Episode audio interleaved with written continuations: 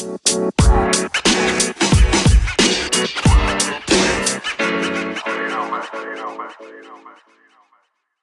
masih dengerin podcast Kepo Kepo Kepo episode ke-32. Ini di seberang sana nih ada seorang apa ya?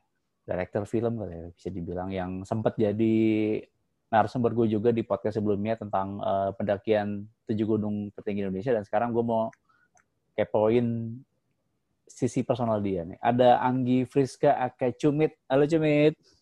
Ah, ya Haris. Ketemu lagi kita. Ketemu lagi ya. eh, tapi sebenarnya nama Cumit itu dari mana sih awal mulanya? Cumit. Iya. It, ya itu uh, apa namanya nama Cumit. Nama Cumit ini sebenarnya nama nama kampus gue lah gitu. Maksudnya nama yang dikasih sama teman-teman di kampus gitu. Uh. Jadi mungkin karena saking banyaknya Anggi gitu ya nggak banyak banget juga sih tapi ada beberapa Anggi yang yang apa namanya yang beredar saat uh. itu jadinya uh, eh, gue dinamakan cumit gitu. Terus gue juga nggak ngerti gue nggak nanya nggak apa segala macam tapi ya udahlah gitu kan karena semua orang udah manggil gue cumit jadi ya udah gue terima ini sebagai nama keren gue. Uh, jadi nama beken. nama beken dan nama pembeda dari dari mungkin nama-nama Anggi yang lain kali ya mm -mm. jadi uh, bahkan mungkin kalau kayak orang-orang film tuh hampir bisa dibilang sedikit banget orang yang tahu gue namanya Anggi gitu. Jadi uh, Anggi, Anggi mana? Anggi Cumit katanya. Oh, Cumit gitu. Jadi orang-orang lebih tahu gue Cumit dibanding Anggi gitu kalau yang di film ya gitu. Uh, Tapi kalau untuk film lo gimana ceritanya sih awal mulanya lo bisa tertarik di benar-benar terjun ke dunia perfilman ini sebagai orang di balik layar nih ya? Hmm.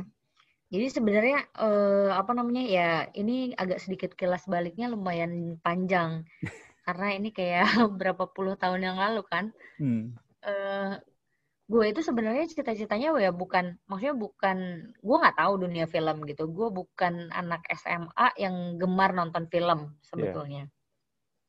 Cuman kayak gue punya cita-cita gue boleh nggak sih nggak kerja kantoran gitu. Uh, Nah, itu udah gue punya cita-cita itu dari SMA. Jadinya gue juga memilih keluar dari Bandung gitu. Ke mana ya gitu. Nah, akhirnya gue cari-cari. Ada teman gue yang eh, nyodorin gitu kan. Ada teman hmm. gue yang nyodorin ngasih tahu lu kuliah di IKJ aja gitu kan. Di sana tuh seni apa segala macam. Hmm, apa ya gitu. Oh film kali ya gitu. Lucu gitu. Ya udah gue coba ke situ gitu. Gue beberapa sih gitu. Maksudnya uh, waktu itu sempat daftar juga ke ITB sosokan ya kan. Sosokan daftar ke ITB maunya astronomi. Eh nggak dapet gitu kan. Astronomi sama kimia berat bener gitu. Ternyata gue nggak cocok. Eh, nggak uh, dapet terus uh, gue juga daftar ke pariwisata gue dapet di pariwisata. Tapi gue bilang gue tunggu dulu deh dari IKJ kalau dari IKJ lolos ya udah gue ke IKJ gitu. Eh ternyata lolos ya udah gue ke IKJ gitu. Dari situ oh, gue maunya jadi sutradara waktu itu. Tapi pada saat gue ngejalanin jadi sutradara di IKJ itu menurut gue kayaknya emang nggak bisa deh langsung dari SMA anak SMA terus masuk IKJ mau jadi sutradara gitu karena hmm. ini prosesnya pasti panjang banget gitu nah akhirnya hal yang paling deket sama gue itu kan uh, sinematografi ya. Yeah. Sinematografi itu kayak karena gue SMA-nya IPA, terus ngebahasnya itu fisika, kimia gitu, terus uh, matematik biologi. gitu kan. Hmm, biologi enggak belum. Oh, belum. Eh, enggak ada gitu. Maksudnya lebih ke psikologi kalau waktu itu uh, sama sama uh, seni gitu kan. Hmm. Jadinya gue ngambil itu gitu. Gue gue di sinematografi aja deh. Gue jurusannya di kamera gitu. Nah, ternyata emang emang menyenangkan gitu meskipun emang berat ya buat perempuan apalagi perempuan gitu di sinematografi itu jarang banget kan cewek yang juga uh, apa namanya bisa bisa bertahan lah gitu zaman itu gitu saat itu gitu untuk cewek tuh kayaknya jarang lah gitu ya udah gue ambil kamera gue ketemunya sama cowok-cowok semua gitu karena gue nikmatin gue enjoy ya udah gue fokus di sini gitu itu kalau awal mulanya. Nah waktu itu apa yang jadi mungkin apa yang jadi tantangan lo saat lo uh, kuliah di sana? Apalagi kan cewek tuh jarang yang ngambil jurusan kamera tuh. Mm-mm. Ya, kalau menurut gue ya itu kan karena karena ketika kita ngomongin soal divisi sinematografi, menurut gue uh, layernya tuh lumayan banyak gitu kan. Terus Hmm. udah gitu uh, urusannya electricity uh, sama power gitu kayak tenaga gitu kan. Iya. Eh, kadang-kadang gitu kan kadang-kadang apalagi waktu itu dulu gue kecil banget kurus banget gitu kan terus Hmm. kayak kayak kayak dianggap aduh ini masa anak kamera kecil sih gitu Ya. masa anak kamera kecil sih gitu kan tapi mungkin karena gue sering digituin jadinya gue merasa bahwa gue harus punya kekuatan sebagai perempuan dan Hmm. gue harus bisa buktiin gitu kalau sebenarnya perempuan juga bisa gitu kerja di di area seperti ini gitu jadi kayak gulung kabel, angkat-angkat box gitu, angkat lampu, apa segala macam semuanya gue jalanin eh, berdasarkan ya udah ini proses yang harus gue jalanin dan gue nggak akan kayak gini terus. Yang pasti capaian gue ada di sinematografi dan gue jadi sinematografer itu yang harus jadi cita-cita gue gitu. Makanya gue ya mungkin bisa bertahan sampai situ gitu. Oh, makanya kenapa nggak banyak cewek yang masuk ke situ karena emang pekerjaan fisik banget ya. Fisik banget, fisik banget. Eh, terus ketika kita masuk sampai jenjang sinematografer, Hmm. itu leadership sih menurut gua gitu. Jadi kayak nggak cuman sekedar lu eh, power, tapi leader ja- jadi leader untuk cowok-cowok ini gitu. Oh. Gitu. Itu yang jadi yang jadi menurut gua agak sedikit eh, apa namanya agak sedikit effort ya untuk menjadi leader laki-laki itu kan nggak gampang gitu. Tapi sekarang sih sudah mulai lumayan banyak kan gitu, Hmm. apa namanya sinematografer sinematografer cewek gitu. Tapi juga nggak sebanyak nggak nggak sebanyak itu juga gitu, nggak sebanyak laki-laki lah gitu. Perbandingannya bisa dibilang 70 eh nggak 70, 80 20, 20 persen cewek, delapan- eh 20 persen cewek, eh 20 persen cewek, 80 persen cowok. Nah, waktu itu apa yang jadi apa ya mungkin entah kesulitan entah tantangan saat lu harus kayak memanage beberapa orang laki-laki ini nih, apalagi lu harus menerapkan leadership juga gitu kan. Ya waktu itu kan sebenarnya karena karena gue tuh agak lumayan lama dan gue ber- berjenjang kan dari Hmm.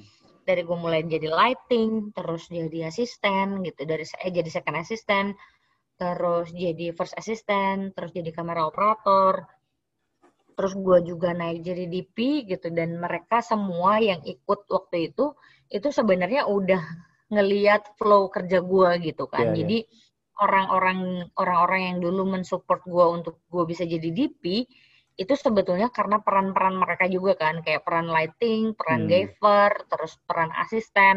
Nah itu semua udah pernah ngeliat kinerja gue dari zaman kecil gitu Iya. ibaratnya dari zaman gue bontot itu gitu kan waktu itu mereka yang nyuruh nyuruh gue sekarang gue balik eh, minta tolong gitu kan Hmm. gue nggak nyuruh tapi gue bilang gue minta tolong bahasa gue agak gue halusin kan gitu Iya, iya, jadinya gitu jadi memang harus mengganti tutur ya gitu kan. Ketika kita tahu kita bekerja dengan siapa awalnya kita besar sama siapa awalnya gitu kan. Yang menurut gue yang harus gue ganti adalah tutur gitu.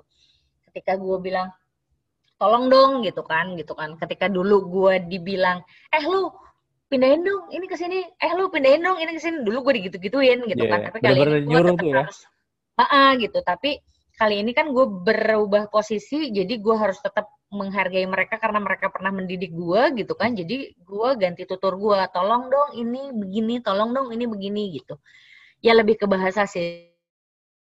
Simplify jadinya bahasa gitu. Karena menurut gue respect pun juga penting kan ketika kita growth gitu kan. Iya. orang-orang yang pernah ikut mendorong gue untuk bisa mempercayakan gue jadi DP dan mereka menolong gue semaksimalnya ya gue harus juga merubah kata-kata gitu. Jadinya tolong dong gitu Berarti lu dari jenjang itu bener-bener apa ya lu apa ya kalau mungkin kalau sorry kalau misalkan gue mungkin salah ngomong apa gimana kayak jadi jadi nggak cewek banget tuh ya mungkin selama lu di situ kali. Enggak, enggak ada. Gue gue sempat bilang sama mereka, gue mention gitu kan, gue Eh. mention sama mereka gitu. Maksudnya ya udah perlakukan gue sama, perlakukan Hmm. gue profesional gitu kan. Jadi jangan lu lihat gue gendernya cewek, tapi apa yang harus gue lakukan gue kerjain gitu. Gitu. Dan dan uh, apa namanya dulu kan gue punya uh, apa namanya ya kayak di atas gue itu uh, cowok gitu. Terus mereka juga bilang eh ini mah bukan perempuan udah biarin aja. Gitu. Dan menurut gue itu penting gitu. Oh. ketika kita tidak juga uh, apa ya maksudnya gender sentris gitu kan jadinya toh gue mau profesional kok di di tempat ini gitu. yeah, yeah, yeah. Jadi menurut gue kalau kita ngomongin soal profesional, kita profesional aja gitu. Jadi jangan lo lihat gue gendernya apa gitu. At least gue juga ketika gue bilang gue nggak bisa gitu kan. Itu gue pasti ngomong gitu. Kalau misalnya yang sekiranya itu udah di luar kemampuan gue, eh tolong dong ini beneran deh gue gak kuat gitu. Kan kayak 18 kilo yang emang maksudnya uh, apa namanya lampu 18 kilo tuh ya itu tuh lebih dari 20 kilo lebih gitu kan bisa sampai 30-an kilo gitu kan nggak mungkin gue angkat sendiri gitu. Iya, yeah, yeah. Kayak gitu-gitu. Itu itu mereka juga sadar gitu kalau itu ya itu mah gila aja gitu. Jadi akhirnya karena karena lo menyanggupi ketika lo diminta bukan minta doang tapi disuruh apa lo sanggupin dan makanya akhirnya mm-hmm. respect ya dan ketika berba, berbalik lo benar-benar uh, lebih merespek secara secara ininya secara tata bahasa jadi mereka juga nggak apa ya mungkin nggak tersinggung kali ya kalau apa sih nyuruh nyuruh nih gitu kali ya iya iya kan apalagi itu kan sebenarnya naturally ya naturally kan iya, iya. sebenarnya iya. laki-laki ya imam gitu kan tapi kan di sini konteksnya kita ngebangun profesionalitas gitu nah ketika di titik itu semua juga sadar gitu bahwa ini yang dibangun adalah profesionalisme ya inilah bentuknya profesionalisme lu nggak usah lihat gue cewek tapi hmm. gue uh, mampu gitu hmm. Nah, waktu itu uh, respon keluarga gimana tuh pas lo tahu lo ngambil keluar film dan mereka tahu gak sih uh, lo yang harus benar uh, kerja yang harus yang apa yang ngangkat lighting lah, kamera segala macam peralatan gitu-gitu? Enggak.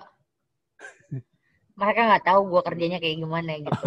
Tapi yang pasti kalau mereka tahu ya mungkin mereka juga nangis karena yeah, yeah.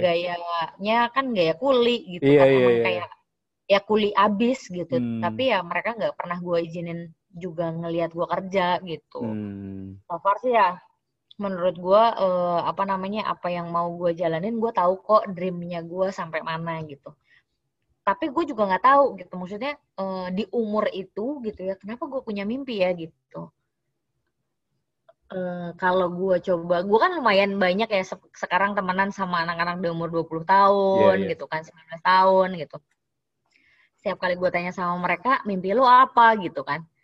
Tapi mereka juga selalu bingung aku nggak tahu mimpi aku apa gitu. Nah itu juga gue nggak ngerti apa yang berubah dari kondisinya gitu sampai anak-anak muda ini yang sekarang itu hampir bisa dibilang mereka nggak punya mimpi gitu. Ya gue nggak tahu ya mungkin mungkin uh, yang ketemu sama gue itu mungkin cuma 20 persennya mungkin gitu kan. Yeah uh, eh, gue juga nggak bisa menjudge ini jadi 100% mereka nggak punya mimpi enggak. Gitu. Tapi kenapa ya hampir rata-rata uh, teman-teman adik-adik kita sekarang itu kayak nggak punya mimpi gitu. Nah ini gue juga yang juga masih terus cari karena kenapa gue bikin film si negeri dongeng itu sebenarnya kayak kalau lu punya mimpi lu pasti akan dapat sesuatu dari mimpi lu itu gitu. Meskipun itu lu butuh proses gitu Gitu. Iya iya iya dari cerita lo juga yang waktu awal-awalnya lo ngajuin ide itu ke Ucok juga ya termasuk gila sih kayak bener-bener nggak tahu sama sekali bener-bener nol sama sekali kan bahkan juga dana uh -uh. juga bener-bener belum ada sponsor sama sekali kan waktu itu kan nggak ada nggak ada uh -uh. gitu dan itu kan sebenarnya butuh keberanian kan gitu yeah, yeah, butuh yeah, keberanian yeah. ngadepin ya udah kita tahu uh, bahwa di depan kita itu ada sesuatu yang mungkin akan merubah diri kita Terus kita juga tahu bahwa di depan itu akan ada tantangan dan hambatannya gitu. Nah, jadi mau seberapa kencang kita ngadepin dan jalaninnya gitu, itu pasti akan tergantung kita kan gitu. Hmm. Berarti tuh kayak bisa dibilang kayak dengan lo yang bener-bener waktu itu lo udah bener dari bawah banget ya dari yang bagian kuliah sampai akhirnya lo, lo naik jenjang itu bisa dibilang kayak ini gak sih kayak apa ya kayak simulasi untuk mengejar impian lo gitu gak sih?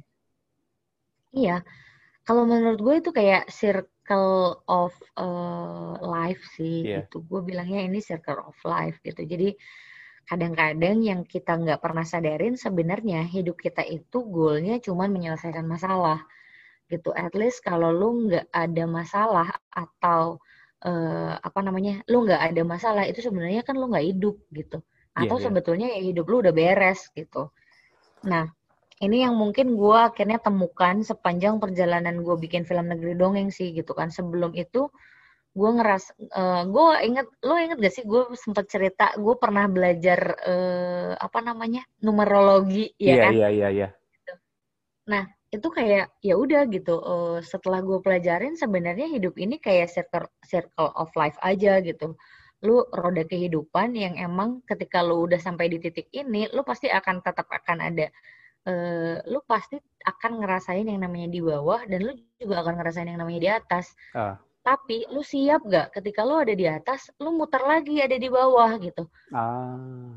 Gitu. Jadi kayak kayak jadi uh, semua ini tuh kayak proses mempersiapkan diri lu gitu. Jadi kalau misalnya udah di atas jangan santai-santai banget juga karena suatu saat mungkin gitu lu akan ngerasain yang namanya di bawah, tapi lu bisa nggak uh, naik lagi ke atas gitu. Nah, yang yang yang mungkin harus dibangun adalah kesadaran itu gitu kayak yang menurut gue ya di diri Iya, iya. diri gue waktu itu gitu. Kayak kalau seandainya gue ada di bawah berarti gue harus siap-siap lagi untuk naik lagi ke atas kan gitu Iya, iya. apa yang harus gue persiapkan untuk ketika gue lagi ada di bawah, gue bisa tetap naik ke atas gitu. Hmm. Dan harus Jadi berani, kayak- berani nyoba juga ya. Hmm. Ya kalau nggak pernah nyoba atau takut, ya lu nggak akan pernah punya pelajaran apa pun tentang hidup gitu. Iya, iya, iya. iya. Oh, makanya juga Gitu. dulu tuh ada mentor gue pernah kasih kayak kutipan itu bahwa kalau lu nggak ngelempar dadu, lu akan nggak nggak lu lu nggak akan tahu lu akan dapat enam atau enggak. Jadi at least lu coba dulu aja gitu loh. Iya itu benar banget. Maksudnya eh, kalau seandainya gue cita-citanya cuma mau jadi sinematografer, kenapa habis itu gue langsung bikin film negeri dongeng gitu kan? Hmm. Ibaratnya gitu kan saat itu mungkin itu adalah titik eh, tertingginya gitu impian Iya. ya secara impian ya meskipun mungkin belum banyak filmnya gitu tapi menurut gue kayaknya result dari gue jadi sinematografer itu adalah bagaimana gue mem- membuat siklus sinematografer ini menjadi sustain sampai karena gue suka gitu kan jadi Iya. gue harus bikin film terus gitu dan gue ngelihat sendiri bahwa film ini ada umurnya gitu. Iya. kayak lu profi kayak atlet lah gitu ya. Kayak atlet umur sekian lu udah gak akan kepake lagi gitu. Nah gue melihat kerentanan itu di Indonesia gitu. Oh. kenapa ya umur 50 tahun di Indonesia gitu kan? Kayak sedikit banget nih orang yang bertahan gitu. Sementara gue ada di siklus ini gitu kan dan gue nggak tahu juga umur gue cepet atau lama gitu kalau tiba-tiba umur gue lama terus gue nggak bisa bikin film lagi gimana ya gitu Iya, nah itu iya. tuh pernah kepikiran di kepala gue makanya akhirnya gue coba ngebangun sendiri ngedevelop sendiri gitu gimana ya gue belajar gimana caranya bikin film itu sustain gimana caranya gue bisa bikin film itu eh, terus-terusan gitu nah ini lagi proses lah gue juga nggak tahu jalannya ke mana gitu Dan itu bentuknya nggak harus film dong berarti. Untuk jadi film itu jadi sustain, maksudnya bentuknya nggak harus film. Ada ada bentuk lain nggak kalau menurut lo? Kalau menurut gue yang sekarang lagi gue bangun memang nggak cuma sekedar film kan Iya. jadi eh, apa namanya eh, sekarang makanya gue juga ada yayasan kan gitu Ah, Nah, awal mulanya sebenarnya gue membangun atau melihat ekosistem ini sebenarnya dari kontribusi. Eh, waktu itu gue sempet bikin satu film dokumenter, judulnya Roka Ora. Nah, terus eh, masyarakat, gue ketemu sama masyarakatnya, terus itu masyarakatnya yang udah gue eksploitasi dalam tanda kutip ya gitu. Iya. Maksudnya mereka sudah kita jadiin sub subjek, terus apa kontribusinya ke mereka gitu.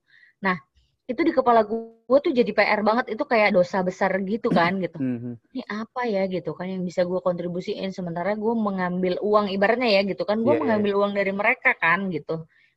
Tapi apa yang bisa gue balikin ke mereka ya gitu. Nah, itu sebenarnya kayak menghantui kepala gue sampai akhirnya gue harus bikin sesuatu nih gitu. Yang notabene gue bisa juga ngasih sesuatu. Akhirnya ya udah gue ketemu sama Chandra ya udah kita sepakat bikin yayasan gitu. Yang yang notabene kalau seandainya gue punya punya sesuatu dari film gitu gue akan bagi ini sama mereka yang membutuhkan gitu. Nah di samping itu juga gue akhirnya coba ya udah ngulik aja gitu kayak gimana ya caranya sustain gimana ya caranya sustain gitu. Ya udah ada produk-produk turunan dan lain sebagainya gitu. Ini yang juga akhirnya menggerakkan gue lebih ke ya udah gue jadi manusia aja deh gitu. Gue nggak cuma sekedar jadi seniman gitu tapi yang punya ego cuman mau bikin film tapi kontribut gue sebagai manusia tuh apa sih gitu. Ya itu makanya sering banget keluar di mulut gue itu kalau misalnya ngomong itu ya gimana caranya kita memanusiakan manusia lain gitu. Atau at least lu bisa jadi memanusiakan diri lu sendiri gitu. Kadang-kadang kan kita juga nggak sadar ya. Kadang-kadang hmm. kita nggak sadar gitu kalau sebenarnya kita juga tidak memanusiakan kita gitu. E, ibaratnya bagaimana kita membangun empati bagaimana kita membangun simpati gitu. At least kalau kita masih belum bisa ngebangun empati ya kita bisa simpati dulu gitu karena dari situ ada langkah-langkah lo yang bisa lo lakukan dari situ gitu. Oh, jadi juga salah satu tujuan dari yayasan itu juga untuk apa ya memanusiakan manusia itu sendiri ya dengan simpati dengan empati itu sendiri gitu ya? Iya, karena kalau yayasan kan udah tahu sendiri kan dia kan nggak bukan nyari uang kan hmm. dia buang uang gitu. Jadi uh, ya tau lah gitu gimana cara gimana caranya meskipun masih juga kita survive ya karena uh, yayasan ini dibangun pengennya pengen sangat independen gitu. Jadi uh. emang benar-benar kita ngelihat gap kosongnya di mana gitu, yeah, yeah. udah kita isi gitu.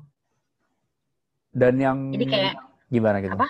Iya gimana? Terus terus terus. Ya, jadi jadi kayak yang kita tuh nggak jangan udah deh bos gitu jangan protes mulu sama pemerintah do hmm. something hmm. lah gitu. Yeah, iya, Kalau yeah, lo emang yeah. punya duit lo lakuin aja gitu lo kerjain aja gitu mm-hmm. karena pemerintah sendiri kan juga sebenarnya punya kapasitas ya gitu terus kalau misalnya kita ngelihat juga secara birokrasi menurut kita birokrasi birokrasinya belum juga baik gitu ya mm-hmm. tapi apa yang bisa lo lakuin gitu kalau buat gue sih itu ya itu itu statement buat diri gue sendiri bukan buat orang yeah. jadi saat itu gue mikir gitu aja gitu ya kalau lo ngerasa bahwa apa yang harus uh, uh, uh, apa namanya pertanyaannya tuh cuma satu, lu mau masuk sistem atau lu mau di luar sistem tapi juga ikut berkontribusi gitu.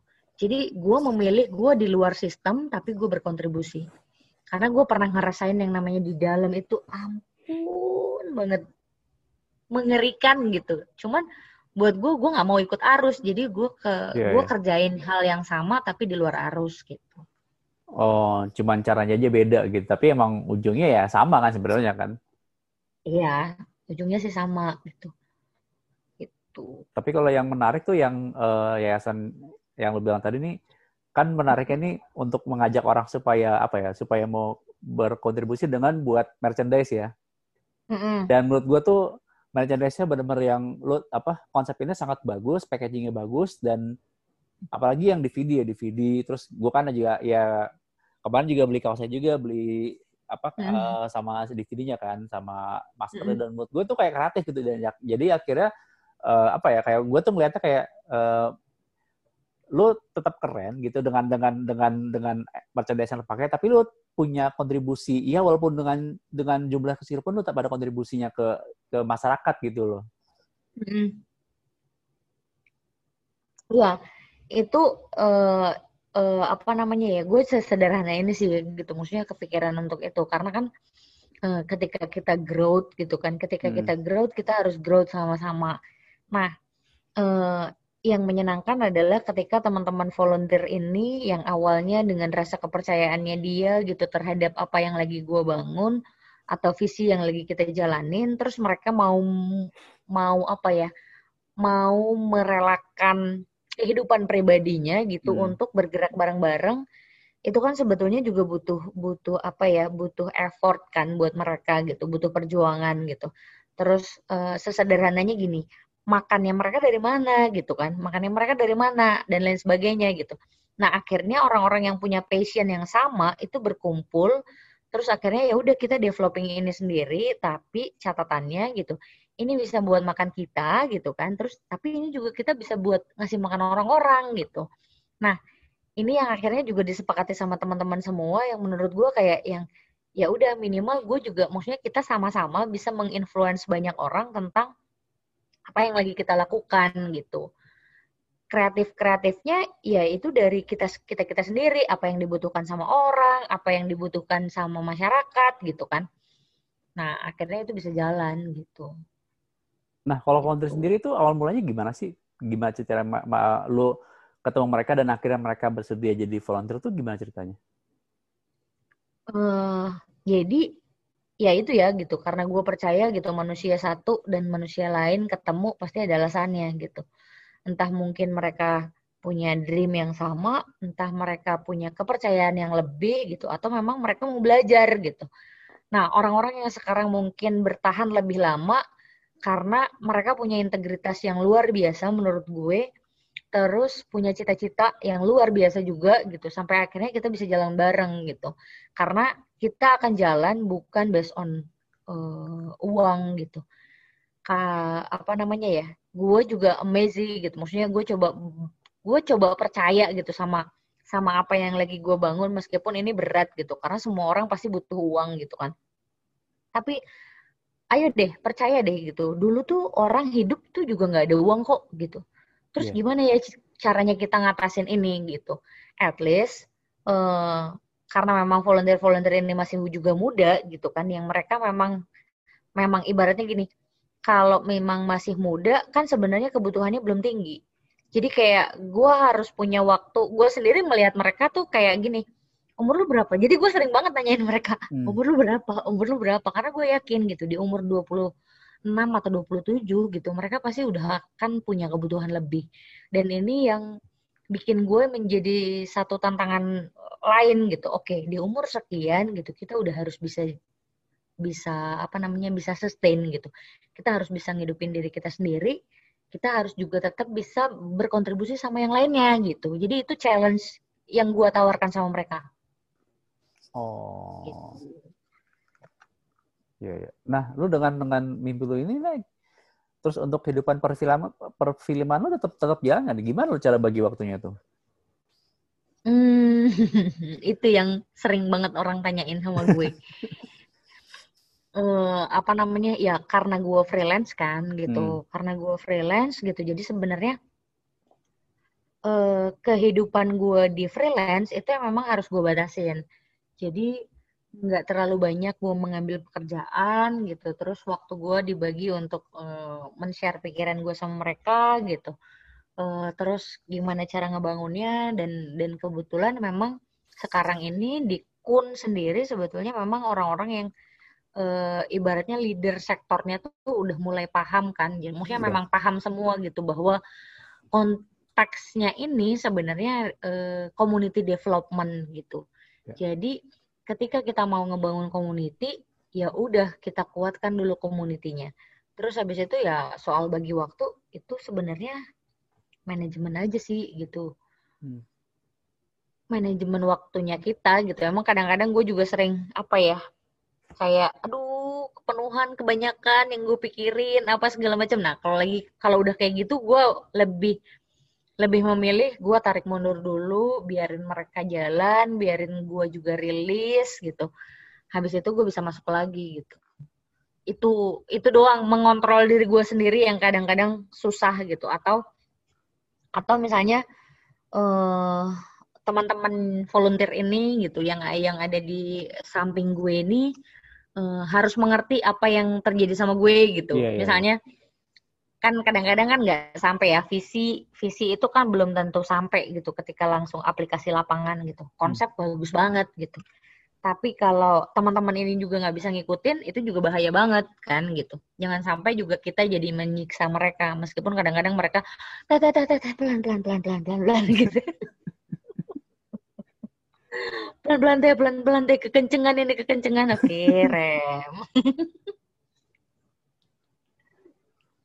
gitu. Gue juga nggak nyangka gitu maksudnya sampai negeri dongeng itu sampai sekarang gue nggak tahu deh ya maksudnya uh, lo sebagai orang luar gitu uh, lo sendiri sebagai orang luar ngelihatnya ada nggak yang film gitu? Ada nggak film gitu di luar sana yang mungkin tetap didengungkan gitu sampai sekitar 2013 sampai udah tiga tahun nih gitu. Yeah, tapi yeah. yang juga bukan kayak yang bukan box office kan gitu. Bukan, Negeri bukan. itu nggak box office gitu. Tapi masih aja terus gitu muter lah, muter film di mana, muter film di mana gitu. Karena ada Seru orang yang, karena ada orang yang apa ya yang yang merepetisi film itu dan message-nya gitu loh. Hmm. gitu iya jadi gue juga gue tuh lebih ke kadang-kadang gue lebih seneng maksudnya gini eh kayak jiwa gue ini hmm. Jiwa gue ini ter apa ya terakomodir sangat gitu. Maksudnya kayak yang oh gue seneng ya gue ngeliat kayak gini? gitu. Kayak 17 Agustus kemarin gitu kita bikin pemutaran di 33 titik. Iya. Yeah. eh, terus hasilnya itu kontribut untuk eh, gerakan kan gitu. Iya. Yeah terus gue memang gak ngasih uang gitu tapi kok gue seneng banget ya gitu ngelihat ini terjadi gitu secara pribadi kan gue gak ngasih uang langsung kan ke ke masyarakat gitu. Tapi hmm. dari gerakannya ini gitu kan teman-teman semua yang juga nonton di daerah-daerahnya masing-masing terus yang ikut menggerakkan mereka semua bisa berkontribusi uh, nilai ini buat mereka-mereka yang membutuhkan. Itu rasanya beda banget loh Riz. Iya iya benar-benar. Gitu. Jadi kayak kita tuh ya duitnya maksudnya kayak nilai uangnya tuh mungkin nggak seberapa kan ah. gitu yang yang yang pasti akan diterima sama masyarakat gitu kan tapi kita kayak punya kemewahan sendiri gitu. Oh kita bisa ya gitu bikin ini gitu dari satu film gitu. Dan impactnya impactnya, gitu. impactnya tuh nggak nggak nggak uang ya. Tapi kayak mungkin masyarakatnya seneng terus juga pedagang-pedagang mm -hmm. situ jadi terbantu secara ekonomi. Itu kan kayak kayak apa ya kayak efek beruntun. Nggak cuman kalau mungkin ekonomi mungkin ya udah berdiri. Tapi kalau udah ngomongin non ekonomi kayak itu bisa bisa ngelebar ke mana-mana gitu efeknya iya dan mereka kan akhirnya jadi punya rasa semangat itu lagi kan jadi yeah, kayak yeah. semangat bertahan sebenarnya kan mungkin itu kan hmm. dari yang mulai mereka apa namanya mereka udah give up atau apa segala macam gitu udah patah arang gitu kan hmm. ketika ada orang lain masuk ke mereka terus uh, punya cita-cita gitu itu akhirnya kan kayak menghidupkan motoriknya mereka lagi gitu kan untuk yeah, yeah, yeah. ih gitu kan ya sama lah kayak ngelawan covid gitu kan. Ngelawan covid kan sebenarnya dari kesenangan gitu dari kesenangan gitu supaya imun kita uh, naik, naik gitu. iya iya iya. Uh -uh, gitu. Nah sekarang kan ngebagi kesenangan gimana? Iya. emang bisa cuman uang gitu? Misalnya uang seratus ribu lah ibaratnya ya gitu. Cuma seratus ribu gitu dikasih sama mereka ya uang itu habis. Tapi yang intangible itu kan sebenarnya kayak rasa senang rasa bahagia rasa uh, percaya gitu itu yang karena, mungkin menurut gua nilainya lebih mahal daripada uang. Karena percuma lu dapat uang tapi lu nya nggak senang happy juga.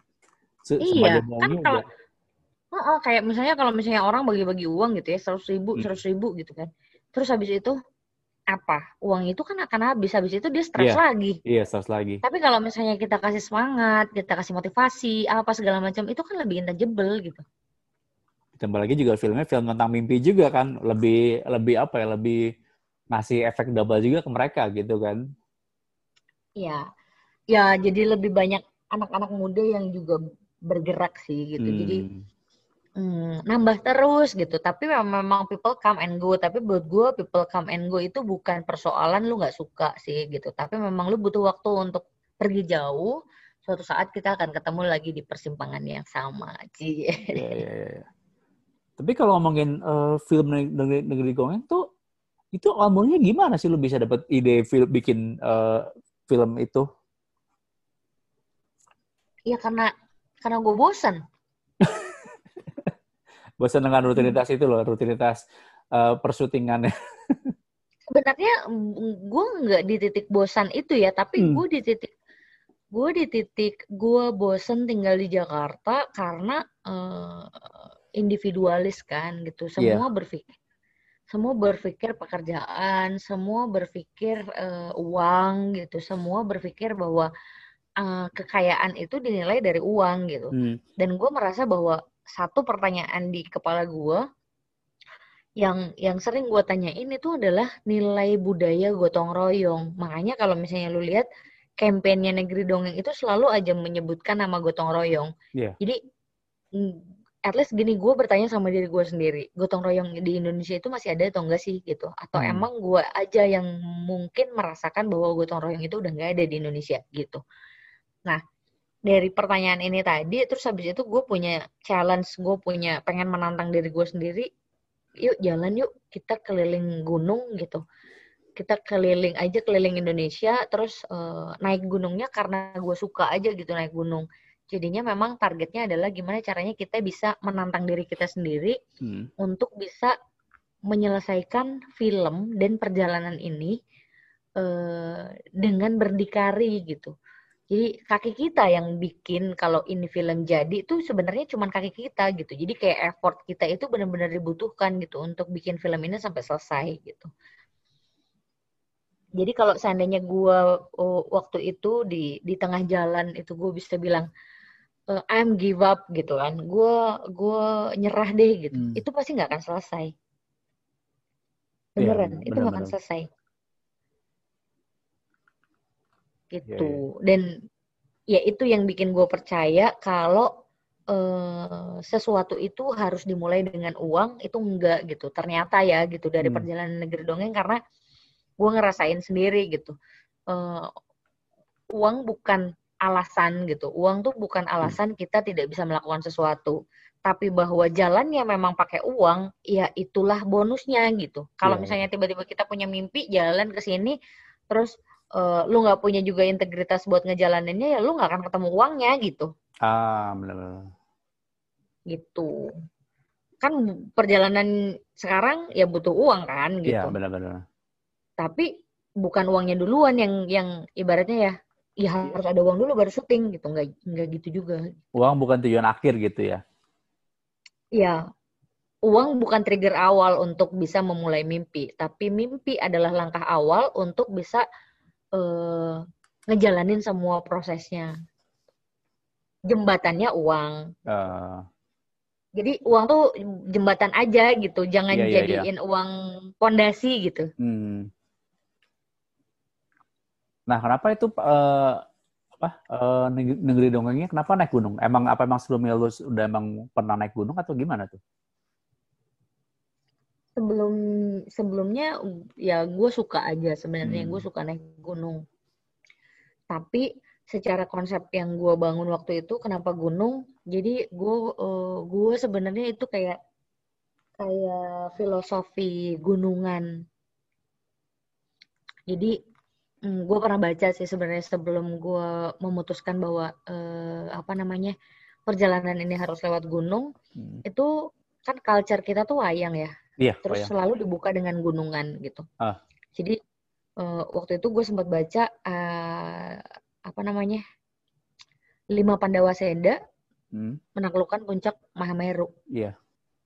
Nah di situ gue baca dan menurut gue itu reasonable banget sama filosofi uh, kehidupan bahwa gunung ini gunung itu anggap diri kita gunung itu adalah aku atau ya kita gitu kan aku dan apa sebenarnya yang harus ditaklukkan dari keakuannya gitu. Nah, di di kisah Pandawa Seda itu jelas banget sebenarnya lawan kita itu cuma diri kita sendiri. Jadi gunung ini sebenarnya cuma buat simbol aja gitu kan. Oh. Dan kita rasain itu. Iya, iya, benar-benar. Gitu. Memang nggak begitu verbal ya diomongin di film karena gue pengen maksudnya karena di negeri dongeng pengennya ya udah light aja gitu kita nikmatin. Tapi hmm. menurut tapi secara gue pribadi gue harus belajar dari gunung untuk bisa mengaplikasikan kehidupan perjalanan kita di gunung di kehidupan sehari-hari. Gitu. Jadi eh, apa sih yang lu rasain di gunung? Capek kan? Gitu. iya capek capek gitu. Terus lu uh, ngapain lu capek-capek ke gunung? Kalau lu udah punya tempat yang nyaman gitu. Uh. Uh, lu mencari apa sih? Oh, gue mau ke puncak. Terus lu dapat apa di puncak? Lu pasti ngebayangin sesuatu. Maksudnya gini, lu pasti ngerasain bukan ngebayangin. Lu pasti ngerasain sesuatu yang nggak pernah lu rasain di tempat lain kecuali di gunung. Karena lu dapat kebahagiaan yang juga lu nggak bisa omongin Yeah. Kebahagiaan itu hmm. apa? Karena lu berhasil menaklukkan diri lu sendiri ngelawan rasa sakit, rasa males, rasa capek, capek. itu lu lawan semua. Rasa marah, rasa itu dingin lu lawan juga. semua. Rasa dingin, hmm. terus habis itu lu juga harus balik ke rumah kan gitu. Iya, harus turun gunung lagi pula. Nah, harus turun gunung lagi gitu dan itu harus juga butuh persiapan. Justru persiapannya jauh lebih besar gitu untuk bisa turun gunung. Iya, yeah, iya. Yeah. Karena capeknya udah maksimal nyampe atas kan gitu. Banget, banget. Lu uh -uh, gitu. Nah, kadang-kadang orang gitu ya atau kita gitu kadang-kadang kalau udah nyampe atas udah lupa cara turun males turun lah udah udah dan itu pasti kejadian deh maksudnya coba lu sendiri aja gitu ya kalau misalnya lu udah udah misalnya udah jadi bos gitu ya iya iya. terus lu pasti males deh gitu untuk ngerjain sapu-sapu atau apa oh, gitu kan. iya iya ngerjain yang yang di bawah-bawah lah gitu. gitu kan. Jadi kayak nah itu tuh jangan sih kayaknya gitu. Maksudnya uh, ya itu buat gue sendiri sih gitu. Gue ngerasanya ya udah ketika kita lagi ada di atas ya udah kita siap juga harus turun ke bawah gitu.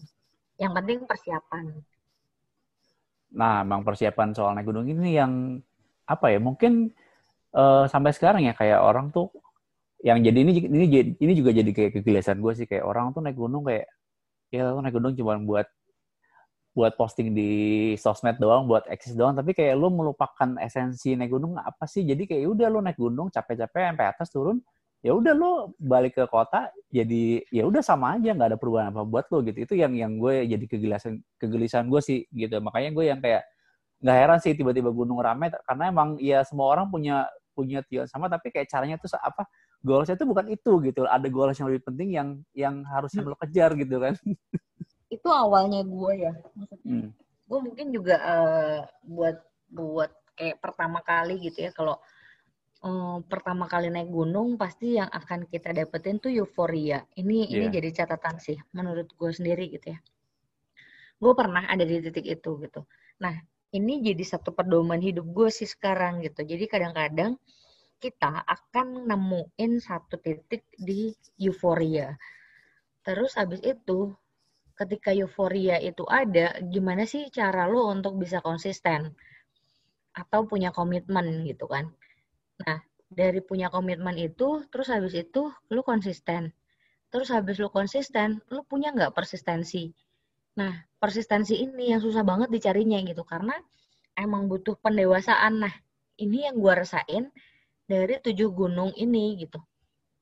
Jadi, awalnya gue euforia. Terus habis euforia ya gue harus punya komitmen dong gitu. Terus gue harus konsisten ngejalanin ini. Habis itu ya gue tetap harus persisten. Nah, ngejaga persistensi ini nih yang berat gitu. Hmm. Kayak lo ngelahirin sesuatu mah gampang. Lo mau ibaratnya ya, ngejadiin satu hal gitu. Satu hal, gue mau ini, oh bisa. Tapi habis itu lo ngejalaninnya, uh gitu kan, dinamikanya yeah, yeah. kan banyak banget. Nah, itu sih kayak proses naik gunung tuh kayak gitu gitu. Jadi kayak misalnya memang uh, mungkin kalau pertama kali naik gunung ya nggak apa-apa lu rasain aja dulu euforianya. Yeah, Tapi yeah, habis yeah. itu uh, lu coba deh jalan sendiri gitu dengan orang-orang yang tidak lu kenalin uh, atau misalnya ya dengan masyarakat gitu kan. Habis itu lu akan menemukan saat, banyak sekali nilai yang sebetulnya ada di diri lu yang harus dilawan. Ini gue rasain waktu pas gue jalan solo sendirian gitu kan ke Nepal. Yang gue pengen bikin film gitu sendiri. Hmm. Terus apa aja yang harus gue lawan itu semua gue catetin. Jadi jadi sebenarnya negeri dongeng itu hasil dari catatan perjalanan gue sendirian dan ini semua akan terjadi sebagai masalah di negeri dongeng. Dan itu tuh kejadian semua. Oh. Gitu. Itu lo filmin yang lo solo tra solo solo traveling ke Nepal itu? Iya gue ada curhatnya juga hmm. Ada gue curhatnya tapi itu nggak pernah gue publish kan karena uh. memang menurut gue ya ya udah itu innernya gue kan gitu yeah, yeah, itu yeah. dari gue nih gitu jadi buat gue ya udah kalau lu lihat film negeri dongeng ya sebenarnya lu nge, uh, apa namanya lu lihat diri gue di perjalanan si Nepal ini gitu hmm. tapi yang Nepal ini jauh lebih berat karena gue sendirian kan yeah. jadi uh, apa ya konflik diri sendirinya jauh lebih banyak. Ah. Konflik sama diri sendirinya tuh jauh lebih banyak gitu dibanding sama rame-rame. Karena kalau rame-rame tuh lu bisa mempercayakan yeah, kelemahan yeah. lu ke orang lain kan gitu. Terus orang lain juga bisa mempercayakan kelemahannya ke kita gitu. Tapi kalau lu jalan sendiri, lu bener-bener itu semua yang akan terjadi sama lu itu itu udah tanggung jawab lu sendiri gitu. Nggak ada tanggung jawab orang lain Hmm. Nah, waktu solo traveling ke Nepal itu konflik seperti apa tuh yang lu yang lu temuin tuh? Dan waktu itu gimana lu cara ngatain? Sementara kan lu harus mengendal itu sendiri nggak ada yang nggak ada yang nggak ada yang bantuin lo gitu Ya itu coping mechanism kalau bahasa psikologisnya meskipun gue juga nggak bisa memaparkan apa itu coping yeah, yeah. ya. Uh, tapi yang pasti menurut gue setiap manusia itu punya kekuatan yang berlebih di luar dari uh, pengetahuan dirinya terhadap dirinya gitu. Iya. Yeah. Gimana ya itu bahasanya? Artinya kadang kadang-kadang gini, lu yang lu tahu itu lu cuman bisa mm, ngejahit gitu tapi ah. yang lu nggak tahu sebenarnya lu udah bisa bikin busana. Nah, itu yang sebenarnya harus kita ketahui kan. Tapi ternyata di area titik kritis gitu, lu bisa kok, lu mampu gitu sampai di titik itu. Ini tinggal masalah lu mau atau enggak. Nah, kemauan ini harus dimunculin terus di kepala kita. Habis itu ya gue bisa ngelakuin ini gitu. Oh. Tapi kompleks sih emang gue ngejelasinnya. Tapi yeah, yeah. Uh, artinya gini, setiap manusia ketika di titik kritis sebetulnya akan ada fungsi-fungsi khusus di dirinya mm. untuk bisa menyelesaikan masalahnya. Yeah, iya. gitu. Kecuali dirinya nggak mau. Oh, itu ini, ini sih sama aja kayak analogi kayak pikiran sadar bawah sadar kan, bahwa kayak ini hmm. apa analogi batu apa iceberg. Jadi kayak mungkin kayak kalau lihat di permukaan kayak kecil tapi sebenarnya di dalam itu banyak potensi sebenarnya hal-hal yang lu belum tahu dan itu kalau mau explore itu bisa menghasilkan sesuatu yang wow yang oh gila ternyata gue bisa kayak gini ya dan lu nggak kayak mungkin sesuatu yang nggak benar lu terbayangkan sebelumnya gitu loh. Iya itu yang itu yang terjadi. Maksudnya ini real gitu ya ini terjadi hmm. sama gue sendiri gitu. Gue nggak pernah kok sadar bahwa gue akan ada di titik ini gitu. Tapi uh, eh, gue sadar bahwa gue mau di sana ke sana iya pernah gitu cuman tiba-tiba kalau misalnya sekarang reflected ya ke masa lalu gitu ya hmm. Hmm, ih gila ya gitu ya ini tuh uh, semua rencana-rencana ini tuh sebenarnya memang gue udah rencanakan gitu hmm. cuman waktu waktu gue ada di titik dua sepuluh tahun yang lalu gitu gue nggak ngebayangin kalau gue sekarang uh, ibaratnya punya perusahaan sendiri punya yayasan gitu, yeah. terus uh, punya gerakan gitu.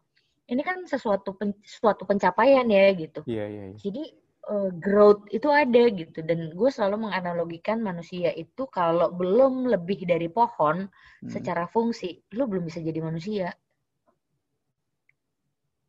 Gimana tuh maksudnya tuh kalau belum kalau belum lebih dari pohon belum bisa jadi manusia tuh? Pohon itu dia tuh diem aja. Iya. Yeah dia tuh diem aja tapi fungsi pentingnya itu kan dia memberi nafas buat kita manusia iya yeah. Terus yang kedua dia jadi pelindung hewan-hewan lain. Hmm, benar. Gitu. Terus yang ketiga eh, apa namanya dia juga tumbuh eh, dengan dengan proses gitu. Nggak ada pohon yang ibaratnya langsung plung gitu. Ah. jadi pohon gitu. Gitu kan? Jadi kalau misalnya dia harus tumbuh dengan akar yang kuat kan. Nah, ketika dia tumbuh dengan akar yang kuat, makanya dia bisa melindungi banyak eh, apa namanya habitat lain gitu. Dia juga bisa ngeluarin air, dia juga bisa menampung air, dia nggak juga bisa bikin, maksudnya kalau dia punya serapan air yang tinggi gitu. Terus dia juga bisa uh, apa namanya hewan-hewan bisa berlindung di dia gitu. Terus dia juga bisa menghasilkan buah yang nantinya buah ini akan dimakan sama orang gitu kan. Uh, atau binatang lainnya gitu. Nah manusia itu dalam Alkitab dia adalah makhluk yang paling sempurna atau spesial lah gitu yeah. tapi kalau kita masih belum bisa kayak pohon menurut gue ya kita kita kita bukan manusia gitu hmm. itu kayak Nah itu gue temuin ada satu quote yang menurut gue itu bikin mukul kepala gue banget gitu waktu itu. Jadi gue masuk ke satu kuil, gue masuk ke satu kuil. Ini di gua, Nepal nih ya? Iya yang di Nepal. Oh. Gue masuk ke satu kuil, terus tiba-tiba ada kaca di situ kan. Yeah. Ada kaca, terus ini pintar banget sih yang ngeset itu gitu. Tapi itu nggak tahu siapa yang ngeset. Uh, di bawahnya itu ada tulisan the most danger animal in the world. Which is itu sebenarnya uh, pada saat gue noleh ke cermin itu, iya, lo itu sendiri. gue men. Iya kan? Iya. Yeah. anjir gitu kan ya iya ya gitu ya maksudnya kalau seandainya kita nggak bisa jadi manusia yang baik atau Hmm. benar gitu kan maksudnya secara fungsi itu ya lu akan jadi hewan yang paling berbahaya di muka bumi ini gitu dan terbukti gitu kan dan terbukti karena manusia itu rakus Iya. gitu kan jadinya banyak habitat yang terganggu akhirnya juga banyak bencana Hmm. gitu itu mukul gua banget sih gitu. Maksudnya ih gila ya gitu kan. Terus gimana ya bumi ini gitu. Tapi ya itu tuh expect banget gitu ya di kepala gua. Ini langsung muter aja itu yang bikin sempat gua bikin stres gitu kan. Ih kenapa sih gua harus ketemu sama kalimat ini gitu. Iya, iya, iya, iya, iya. karena diri gue juga nggak bisa jadi maksudnya gini diri gue sendiri gue merasa bahwa gue tuh juga belum manusia belum jadi manusia nih gitu. Hmm, hmm, hmm. Terus banyak banget gitu ego egosentris gue gitu yang harus banyak banget yang harus diperbaiki gitu tapi ya gue cuman berusaha bersyukur aja gitu kayak apa yang lagi gue jalanin ini sebenarnya proses gue belajar kok gitu jadi kalau bohong aja gitu yang tadi gue bilang di depan gue gue kontribusi sama mereka gitu Hmm. itu sebenarnya ya bukan kontribusi tapi sebenarnya lu lagi menolong diri lu sendiri kok untuk menjadi manusia gitu Oh. Dan kalau sorry, gue balik lagi tadi soal potensi, berarti sebenarnya manusia itu potensinya baru keluar setelah mereka dikasih pressure kali ya? Kalau menurut gue jadi gitu dong. iya itu kayak apa ya eh itu sebenarnya ada pelajarannya gitu kayak eh, it- itu gimana caranya kita nge-maintain dan kita sadar gitu kalau misalnya di ini ada sih sebenarnya pelajarannya eh mestakung itu Hmm. yang semesta mendukung gitu kan. Iya. Jadi eh, di situ tuh dia bilang gitu kalau misalnya kita kita biasa kita atau kita kita terbiasa menentukan titiknya gitu titik. Jadi hidup kita tuh selalu di dihadapkan dengan rasa krisis ya gitu. Hmm. Nah, ketika krisis itu ada sebetulnya itu eh, porsi latihan kita lebih ke target gitu. Jadi capaian kita apa? Target kita apa gitu kan. Jadi itu kan sebenarnya kayak dinamika diri kita tuh langsung berpikir, gue tuh harus nyampe sini, gue harus ngapain aja ya. Oh gue harus ke sini, mentok gue ke sini, mentok gue ke sini, gitu. Oh. Jadi emang ya emang ada sih gitu kayak pelajarannya sama kayak inilah apa namanya kayak pasir gitu ya. Kalau misalnya si di buku itu waktu itu ngejelasinnya dia tuh kayak pasir gitu kayak.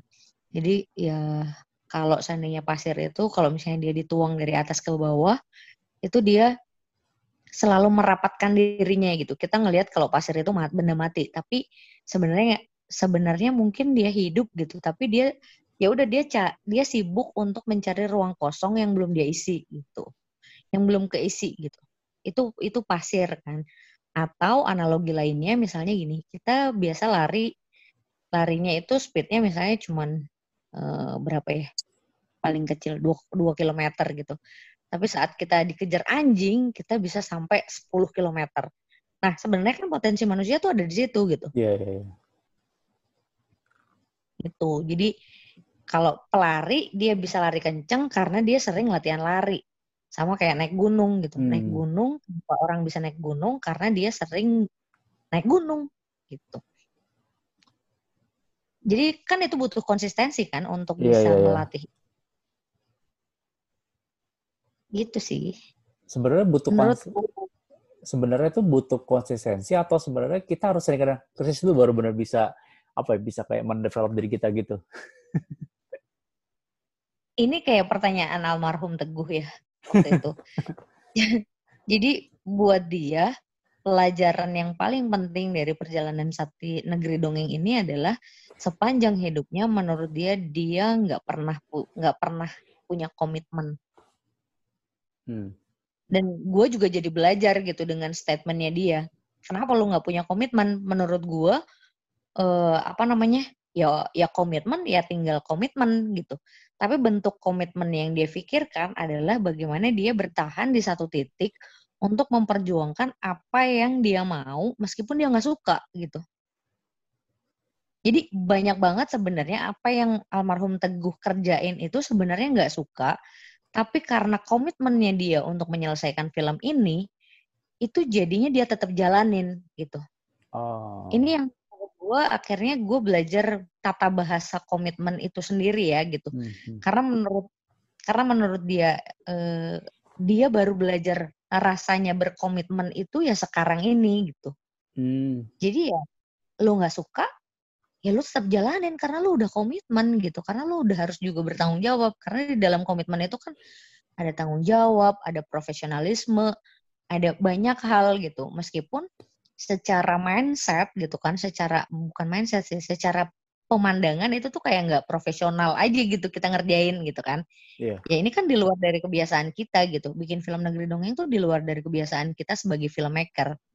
Tapi bagaimana kita memaknai arti komitmen itu sendiri sebetulnya gitu. Itu yang juga akhirnya gue belajar refleksi juga tuh dari almarhum gitu. Kenapa lu bilang komit? men, maksudnya kenapa lu belajar baru belajar berkomitmen ya itu tadi gitu. Ya gue harus belajar nge, tetap ngejalanin meskipun dia nggak suka gitu. Jadi memang walaupun sebenarnya sih berarti gini dong kalau walaupun lu menjalani sesuatu memang mungkin bisa dibilang kayak uh, prosesnya bikin lu gak suka. Tapi kalau ternyata endingnya bagus harusnya kan ya udah tetap aja. Kadang lo ngeliat ada goalsnya kan ada endingnya tuh bakal bagus gitu loh. Jadi kayak se seberat apa pun seenggak apa pun prosesnya ya lu harus tetap jalanin gitu kan.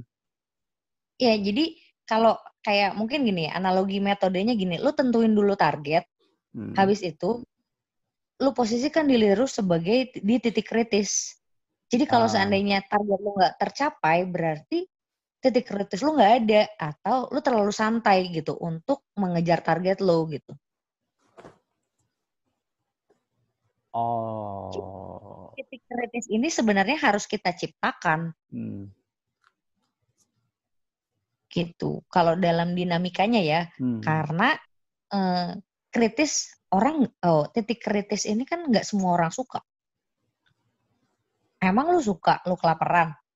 Kan yeah, enggak? Iya, yeah, iya, yeah, yeah. Tapi ada masa ketika lu kelaparan, lu bisa bertahan hidup, dan lu bisa lewatin masalah itu lu baru bisa sampai ke targetnya karena kalau lu belum ngelewatin itu lu nggak akan menemukan satu hal yang menurut menurut kita itu melewati proses pendewasaan itu tadi gitu. Jadi kalau lu mau cepet-cepet dewasa, lu harus ngalamin tuh yang namanya kelaparan, yang namanya hmm. gitu, ya gitulah. Kira-kira itu analogi gue aja. Berarti bisa dibilang memposisikan dari gue ya. Uh, jadi bisa dibilang kayak titik kritis itu kayak titik lo di menempatkan diri lo kayak bener-bener di paling bawah banget gitu kali ya? Mm -mm. Ya titik terendah hidup lu tuh lu udah lewatin sampai mana sih gitu.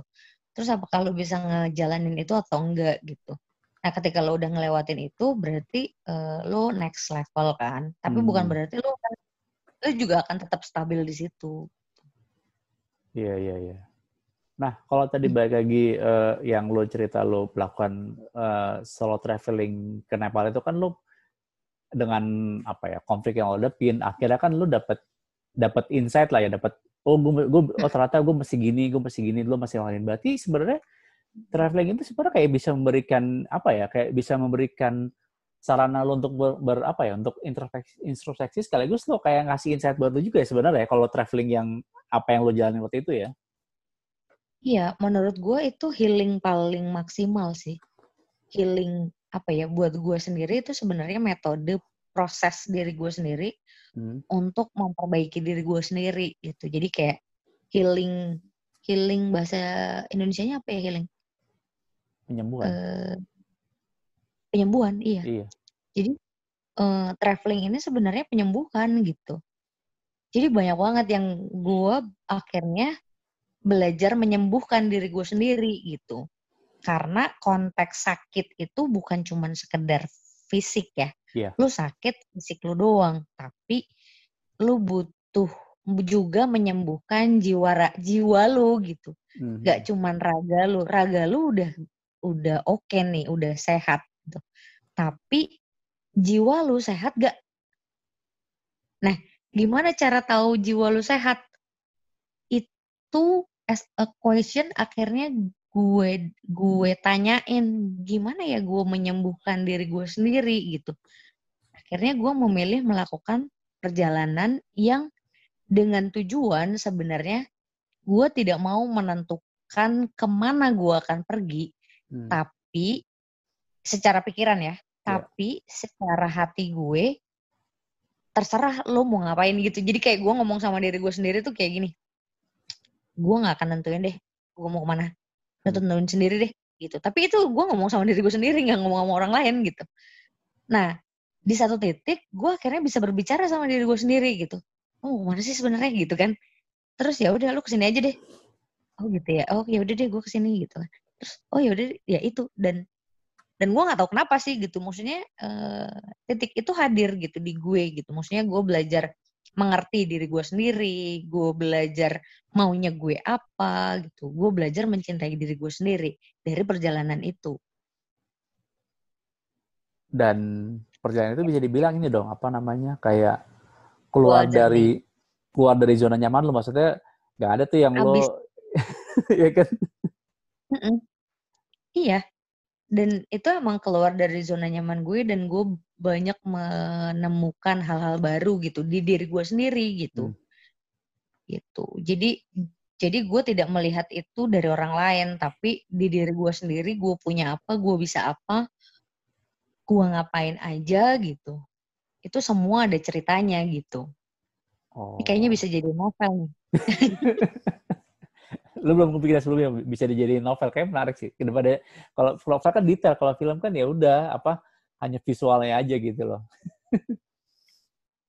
Gue sebenarnya lagi nulis Hmm. eh dibantuin sama temen gue kan. Ya cuman memang rasanya gitu yang kayak gini-gini kayaknya memang harus harus nulis sendiri gitu. Karena kan emang personal banget kan Iya. gitu. dan pengalaman lo doang. dan Heeh, dan gue emang kayak butuh di trigger gitu. Maksudnya kayak ini masalahnya sekarang nih rekaman ini gitu ya Hmm. rekaman ini lo kasih ke gue ya gitu nanti gue kasih sama penulisnya gitu tetap ada ininya apa bantuan penulis penulis lain ya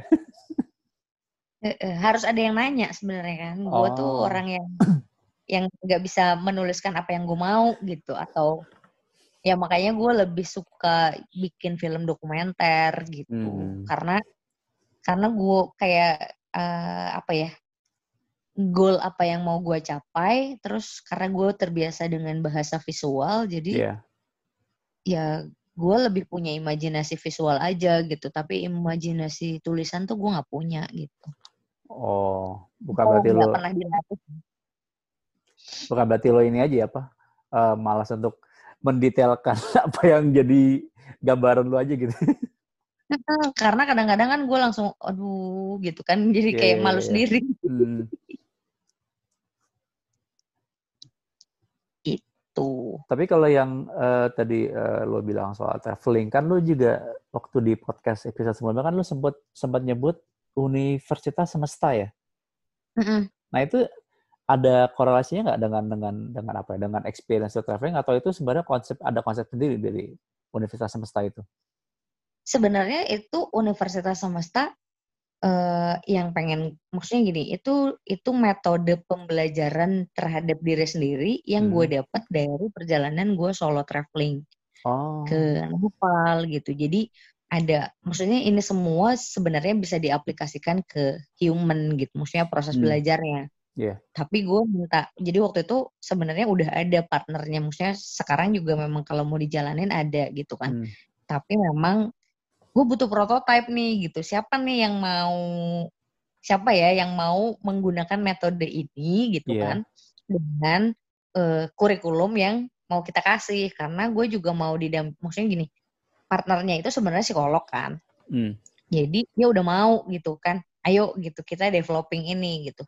Cuman memang belum ada yang mau atau berani untuk melakukan metodenya.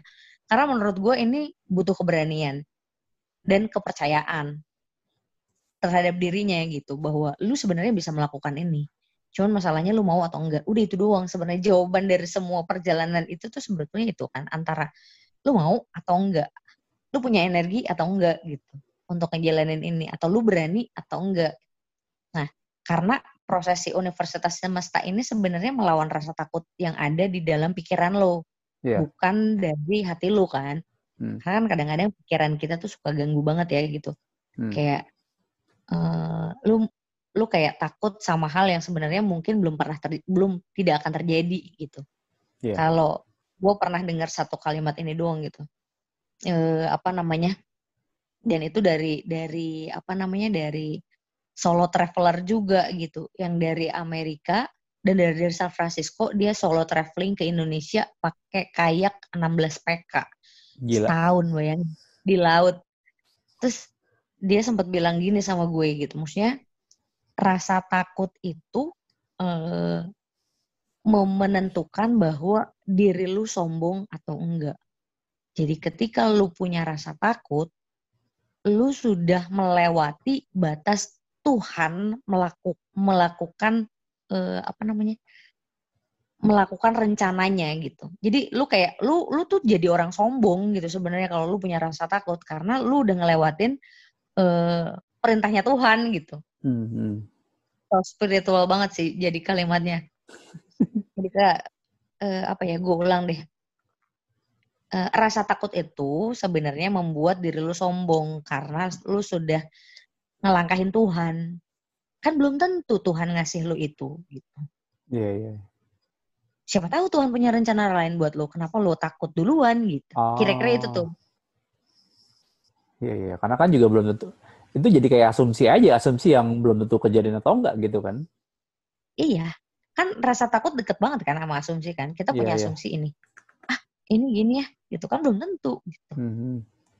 Nah, rasa takut juga sering munculnya kan sering kayak gitu. Aduh, gue takut ini deh, gue takut berhenti tengah jalan atau gue takut capek duluan atau apa gitu-gitu. Nah, itu yang sebenarnya mengganggu di kepalanya kita gitu. Itu sering banget kan muncul gitu sebagai kita Iya, iya. sebagai manusia gitu. Gitu. Tapi metode Lu- yang lo Mm-mm. konsepin ini sebenarnya udah pernah udah pernah lo tawarin nggak sih ke orang-orang dan maksudnya sampai se ekstrim apa sampai sampai belum ada yang mau berani untuk untuk meng apa ya me- meng- melakukan metode ini jadi kayak semacam kelinci percobaan lah Iya, karena menurut gue yang paling menarik adalah menggunakan metode at least gini, eh, lu present dulu gitu, Iya. maksudnya eh, eh, apa namanya ya, anggaplah ini kurikulum pendek kan sebenarnya gitu. Dan ini kayak metode character building yang dibangun sebenarnya untuk eh, untuk berproses. Nah, dari mulai perjalanan mimpi itu sendiri, terus bagaimana mewujudkannya dan bagaimana lu melakukannya, terus habis itu kembali ke titik eh, kembali ke misalnya gini, kembali itu butuh waktu gitu. Dan orang belum tentu mau komitmen selama itu gitu. Tidak melakukan, maksudnya gini, tetap melakukan aktivitas lain tapi progresif gitu. Lu report, lu bikin catatan gitu apa segala macam gitu-gitu.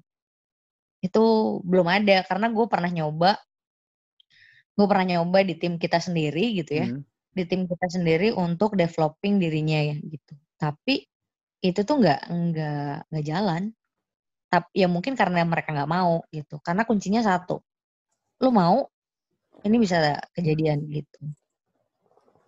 Dan karena nggak ada bantuan orang lain, lu harus jalan atas dasar keinginan lu sendiri gitu Iya, iya. dan pasti pengorbanannya banyak gitu. Entah itu kalau misalnya kalau umur-umur 28 gitu. Umur 20 eh 28 ketuaan. Umur 23 gitu, 23, 24 harusnya mulainya dari situ. Karena ini kayak apa ya, membangkitkan integritas menurut gue ya. Hmm. Karena belum dicoba gitu.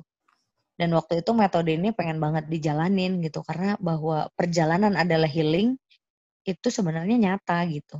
Makanya gue coba aplikasikan film, ya maksudnya bentuk bentuk apa ya konsep cara gue berpikir ini gue ya udah gue tuangin aja di filmnya Nona. Oh. oh, jadi Nana itu ini dong. Emang berarti bisa dibilang kayak eh, prototipe dari metode ini ya. Ya prototype solo traveling kan, cewek iya. solo traveling, terus eh, untuk mewujudkan mimpi gitu, terus apa aja yang lu dapetin gitu, terus apa aja yang lu temuin, akhirnya lu juga eh gue bocorin dong. Tapi intinya itulah sebenarnya kayak ya gue ambil metode metodolo metodenya itu sebenarnya. Karena gue juga konsul bikin film Nona ini kan sama psikolog gitu. Hmm. gitu. Jadi Dan- memang kayak gimana terusin? ya dan dan sekarang itu kalau gue ngelihat ya sebenarnya ya mental health ini penting banget gitu. Itu Di isunya isunya di saat sekarang atau emang pas lagi kondisi pandemik seperti sekarang nih? Hmm, di saat sekarang, di era sekarang ya gitu. Gue berbicara ini di era sekarang karena Oke, waktu oke. itu kan gue bikinnya sebelum pandemi Iya iya iya. gitu. Kenapa tuh lo anggap itu penting banget di saat sekarang nih tentang mental health, mental apa mental health ini? Ya karena itu tadi yang statement gue bilang tadi gitu. Maksudnya young generation, young generation nggak punya mimpi Hmm. atau eh, atau sebenarnya seberapa apa namanya eh seberapa baiknya diri kita sendiri gitu untuk diri kita sendiri gitu. Oh, Itu. berarti juga maksudnya juga kalau lo ngelihat kalau mungkin kalau gue bisa ngelihat juga yang yang apa yang generation sekarang kayak ini nggak sih kayak eh ketika mereka sekarang semuanya serba ada, semuanya udah enak, semuanya udah masa udah lengkap lah. Jadi kayak mereka tuh jadi kayak males loh untuk untuk kayak untuk ih, sedikit effort lah gitu loh. Beda sama mungkin zaman kita dulu yang emang belum ada inter eh, internet belum ada, handphone belum canggih kayak kita tuh kayak masih harus effort gitu loh. Kayak ada maksudnya kayak perbedaannya lebih ke perbedaan generasi yang sekarang sama yang dulu gitu loh. Iya, kalau generasi, maksudnya gini, generasi sekarang itu, eh ya itu tadi gitu, sudah berada di titik zona nyaman yang paling nyaman gitu. Iya. Tapi gue percaya gitu di eh, Z generation gitu, mereka bisa lebih aware terhadap apa yang terjadi gitu, karena Hmm. mereka cukup bosan dengan yang dinamakan handphone gitu, karena Iya. itu udah jadi hari-harinya dia kan gitu. Tapi gue percaya banget gitu, maksudnya generasi Z ini akan menjadi satu harapan baru lah gitu untuk untuk kita ya gitu, untuk untuk eh, atau alpha mungkin gitu, generasi alpha yang nanti justru malah jadi tonggak sejarah baru gitu untuk untuk era postmodern mungkin atau nggak tahu lah gitu eranya apa karena gue juga nggak tahu kan gitu Iya. tapi gue melihat itu dari anak-anak eh, yang umur misalnya 6 atau 7 tahun gitu mereka mulai kritis luar biasa gitu kan. Iya. terus eh ya di umur-umur situ terus udah gitu ada yang juga pelukis dengan statementnya dia melihat dunia ini seperti apa gitu-gitu Hmm. kan. Jadi kayak ya ya udahlah gitu kan. Toh juga masih ada harapan gitu tentang bagaimana manusia merawat bumi ini. Jadi so banget karena- gue ya Karena padahal gue juga masih pakai plastik. Eh, nggak, eh, kuncinya kan apa memang nggak bisa langsung tapi kayak diet kalau bahasa temen gue diet diet plastik. Susah kan gitu. Berarti kan kalau tadi ngomongin yang eh, generasi Z sama ya nantinya alpha kan karena mereka sekarang eh, bisa akses in- internet informasi dengan gampang jadi mereka tahu oh gue tuh maunya ini karena gue udah udah ngerti dan mereka bisa belajar sendiri di rumah gitu kan. Mm-mm. gitu. Informasinya lebih cepat gitu kan. Mereka jauh lebih pintar-pintar lah dibanding kita gitu kan. Jadi kayak yang eh ya sudahlah tinggal menunggu aja gitu. Tapi juga tetap melakukan sesuatu untuk diri kita iya iya. Kita Tapi kalau s- tapi penting juga dong maksudnya eh yang yang generation apalagi yang tinggal di perkotaan mereka tuh kayak harus apa ya kalau bahasa gue tuh kayak harus dikenalkan ke alam mereka harus diajarin gimana mereka bisa bertahan hidup dan ketika mereka maksudnya kayak keluar dari zona nyaman mereka mereka tuh harus tetap bisa bertahan gitu loh. Kayak menurut gue tuh perlu juga loh. Iya itu itu menurut gue jadi jadi penting sih gitu. Maksudnya aware terhadap alam ini gitu kan. Karena ya itu tadi kita hidup di bumi yang juga eh, ada ekosistem kan gitu. Kita ngomongin eko dan sistem gitu. Bukan ego sistem gitu. Iya. nah sekarang ini ada di titik eh, human is eh, piramid teratasnya kan gitu. Kayak piramida paling atas. Padahal sebenarnya human is a circle of eh, ekosistem gitu. Bukan bukan human is a pyramid ekosistem, bukan yang paling atasnya gitu. Kalau yang paling atas ya udah ego sistem aja gitu. Jadi ya udah ego gitu. Jadi karena terlalu ke atas jadi nggak nggak bisa ngeliat ke bawah. Iya, jadi merasa berkuasa kan manusia Iya, nih karena saking kuatnya dia merasa berkuasa, dia merasa bisa menghabisi semua tanah-tanah, eh, pohon-pohon gitu karena Hmm. menganggap bahwa uang jauh lebih penting. Lo bayangin gitu kan ketika klik gitu ya, dunia ini mati nggak ada listrik, Iya. uang tuh kepake nggak? Enggak. Oh, banyak orang nggak mikir sampai situ soalnya. Iya. Karena ya udah, karena kita kan udah hidup di era hidup di era apa ya? Semua serba ada dengan kebutuhan listrik yang sangat luar biasa gitu. Iya, So, iya. sampai satu saat gitu kan ketika listrik itu nggak ada gitu kan, listrik itu mati. Habis itu lu bisa ngapain? Uang lu emang kepake? Nggak ada yang jualan, Iya. nggak ada yang apa-apa. Lu bisa bertahan hidup nggak? Enggak gitu. Ya ini sama kayak waktu itu gue sempet jalan juga ke Tololela. Ini gue ceritanya masih gue ingat banget gitu. Waktu itu ada bapak-bapak yang sebenarnya mereka dia itu menurut gue lebih kaya daripada gue gitu. Karena ya mereka punya semuanya gitu. Ketika listrik pun mati, mereka masih tetap bisa bertahan hidup kok. Tapi Ah. kita orang kota yang numpang gitu, bayar harus bayar kos-kosan, harus bayar hotel misalnya gitu kan, Iya. harus bayar kontrakan, harus bayar air, apa segala macam gitu. Lu dikasih listrik mati aja gitu, emang lu bisa bertahan hidup? Udah panik duluan pasti. Pasti gitu kan, udah panik gitu, semua protes apa segala macam hiruk pikuk dan lain sebagainya itu. Itu kayak kejadian di Palu kan, kenapa sampai akhirnya rusuh eh sempet kan rusuh gitu waktu udah kejadian bencana terus Hmm. mereka juga akhirnya rusuh karena lapar Ah, iya iya. gitu. Ini bukan soal apa ya namanya? Ini bukan soal duit lu banyak apa enggak, lu bisa Hmm. bertahan hidup ketika masalah itu terjadi gitu. Kan ngeri Iya iya iya. ketika kita harus bunuh-bunuhan sama sesama manusia gitu cuman gara-gara lapar. Oh itu gila sih itu. Iya, kadang-kadang gue suka mikir sampai situ gitu. Ih, kok ngeri banget ya gitu. Makanya gue kayak ya udahlah apa yang bisa gue lakuin aja deh gitu supaya at least eh gue sendiri bisa merubah mental mental mindset gue gitu untuk gue bisa hidup gitu. Ya gue sih sebenarnya ada di titik aja. Apa yang gue lakukan ini mungkin nggak bukan literally untuk orang lain gitu meskipun ada dampak untuk orang lain tapi gue melakukan ini supaya gue berubah gitu udah itu aja sesederhana itu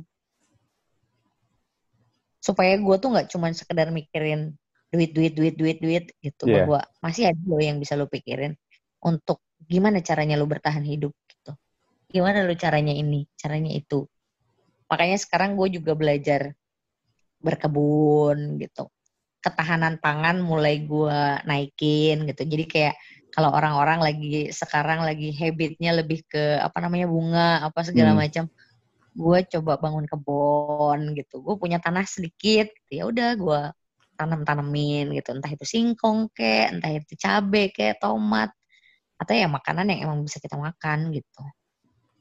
Oh. Jadi sambil ini terjadi ke diri ke kita gitu kan, gue masih punya ini gitu. Iya iya. Dan itu juga sebenarnya di di apa ya di era pandemi sekarang tuh kayak sisi survivalnya manusia tuh kayak diuji banget ya. Heeh. Iya kan gitu. Iya iya. Di, di- diuji banget gitu. Eh, emang emang banyak sih yang berubah kan akhirnya gitu. Ada yang juga bercocok tanam juga kan. Ada yang Hmm. juga bikin mikrohidro, eh hidro mikrohidro lagi Hidroponik. hidroponik. Iya. Hmm, itu kan juga mulai tren. Terus ada yang juga jadi Masak. eh, apa namanya? Heeh, gitu kan kolam lele lah Iya, iya, apa iya. gitu-gitu. Jadi tapi gue seneng gitu ngelihatnya memang ketahanan pangan yang harus kita lakukan dulu gitu. Nah ketahanan pangan ini sebenarnya menuntun kita untuk membantu petani sebenarnya. Jadi kalau seandainya ketahanan pangan manusia manusianya gitu kan kalau untuk kita ngomongin soal region gitu kalau kita aware sama petani lu sebenarnya bisa bantu petani untuk bisa mengekspor jadi kebutuhan hidup mereka juga hidup gitu hmm. tuh ya, dan terlalu terlalu apa terlalu rakus manusia itu. Tapi juga di apa ya saat sekarang kan yang tadi lo bilang orang jadi apa uh, berkebun hidropo- hidroponik terus tadi gue bilang masak. Sebenarnya kan ini kan kayak keadaan emang uh, apa ya keadaan Memaksa, keadaan kan? memaksa memaksa lo untuk untuk berpikir. Dan ternyata oh gue bisa ini gue ternyata bisa ya di sini ya Iya. bisa ya ternyata ya gue di rumah aja. Kayak banyak hal yang bisa dilakukan gitu loh. Iya kan jadinya kan sesederhana itu hidup iya iya. ternyata gitu. Iya iya. Atau kayak gua aja gitu ya gue berpikir gini lo bayangin gitu gua tuh dulu waktu zaman masih SM eh masih SMA lagi Hmm. masih zaman kuliah atau eh, after kuliah lah masih kerja gitu kan. Masih kerja yang buruh gitu lah buruh ya gue bilangnya buruh gitu. Hmm, nggak kerja sebulan aja paniknya tuh minta ampun gitu. Terus gue ngerasain sekarang tujuh bulan loh gue nggak kerja iya iya iya benar-benar Karena gue hidup kok gitu. Terus dan gue juga bisa jauh lebih rileks gitu. Meskipun memang masih banyak yang diurus. Tapi at least gini, eh, ada proses belajarnya gitu. Oh, gue kalau gue udah di tujuh bulan ini sekarang aja gue nggak kerja terus gue hidup dan gue santai-santai aja dan gue seneng gitu. hmm. Ya udah gue nggak usah ngoyo gitu. Tinggal tinggal menentukan batas cukup gitu. Kita berani bilang cukup.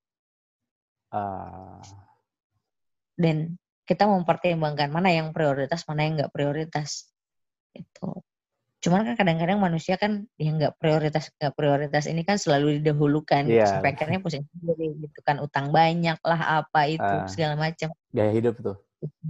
Heeh, gaya hidup gitu lifestyle yang sebenarnya nggak perlu gitu. Tapi ya itu pilihan gitu. Kalau misalnya memang mau stres terus ya udah gitu aja terus gitu. Tapi kalau misalnya mau agak sedikit santai ya udah gitu. Paling berapa sih sebenarnya kalau setiap manusia bisa bilang cukup? Paling berapa kebutuhan hidupnya setiap harinya? Iya. nggak besar gitu. Dan bener sih gue juga ngitung-ngitung selama gue di rumah aja juga dari apa ya bulan Maret kali ya. Gue ngitung-ngitung gila. Gue tuh bisa ngirit ngirit pengeluaran tuh lumayan banget loh. Iya kan? Iya bener loh. Berasa maksudnya kelihatan banget gitu loh.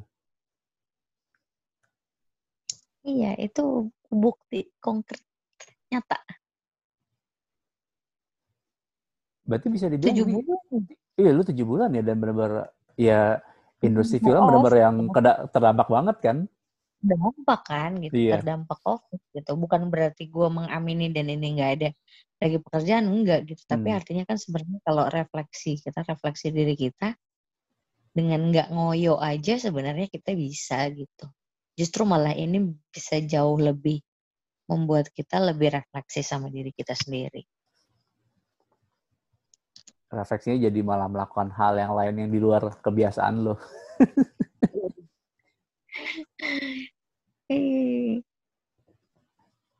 tapi kalau tadi yang gue yang sempat gue cerita sama lo ya dan apa di di sekarang nih yang udah masuk new, new normal yang kayak seakan-akan tuh bahwa, oh lo boleh keluar lo boleh pergi walaupun tetap ada ada penerapan protokol kesehatan. Tapi itu dia kayak ada beberapa orang tuh kayak eh, sense of crisisnya keluar. Jadi kayak mereka tuh kayak ya udahlah bodo amat lah tuh boleh keluar ya udah. Tapi ya itu nggak pakai masker nggak jaga jarak. Sementara kalau kit- kita ngelihat data covid tuh kayak aduh gila nih bukan nambah turun malah malah naik terus malah naik terus gitu. Jadi kan ini kayak yang tadi lu bilang nih kayak egonya tuh waduh nih gimana nih egonya kok malah malah ketika udah di- ketika ketika orang udah nggak udah boleh keluar malah egonya malah baik lagi gitu loh iya ini sebenarnya krisisnya bukan di covidnya Iya.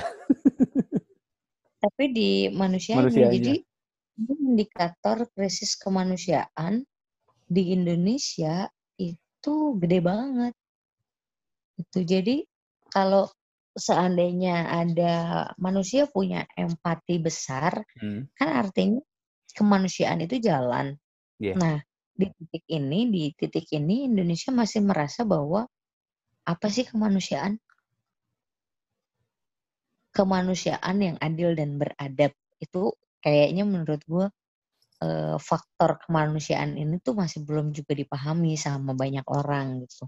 Bahwa kemanusiaan itu sebenarnya ya nilai gotong royong, nilai toleransi, nilai musyawarah mufakat yang sebetulnya semua itu sosiokulturalnya kita gitu.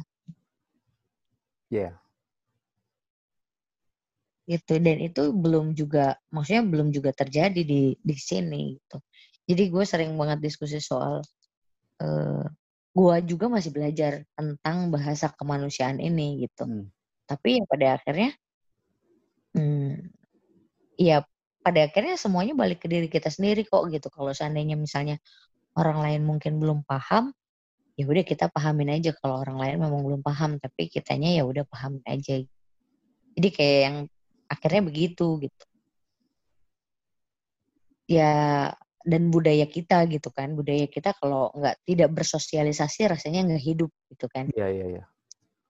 itu cuman ya memang sekarang ya dangernya sih sebenarnya bukan di covidnya ya. Krisis kemanusiaan tuh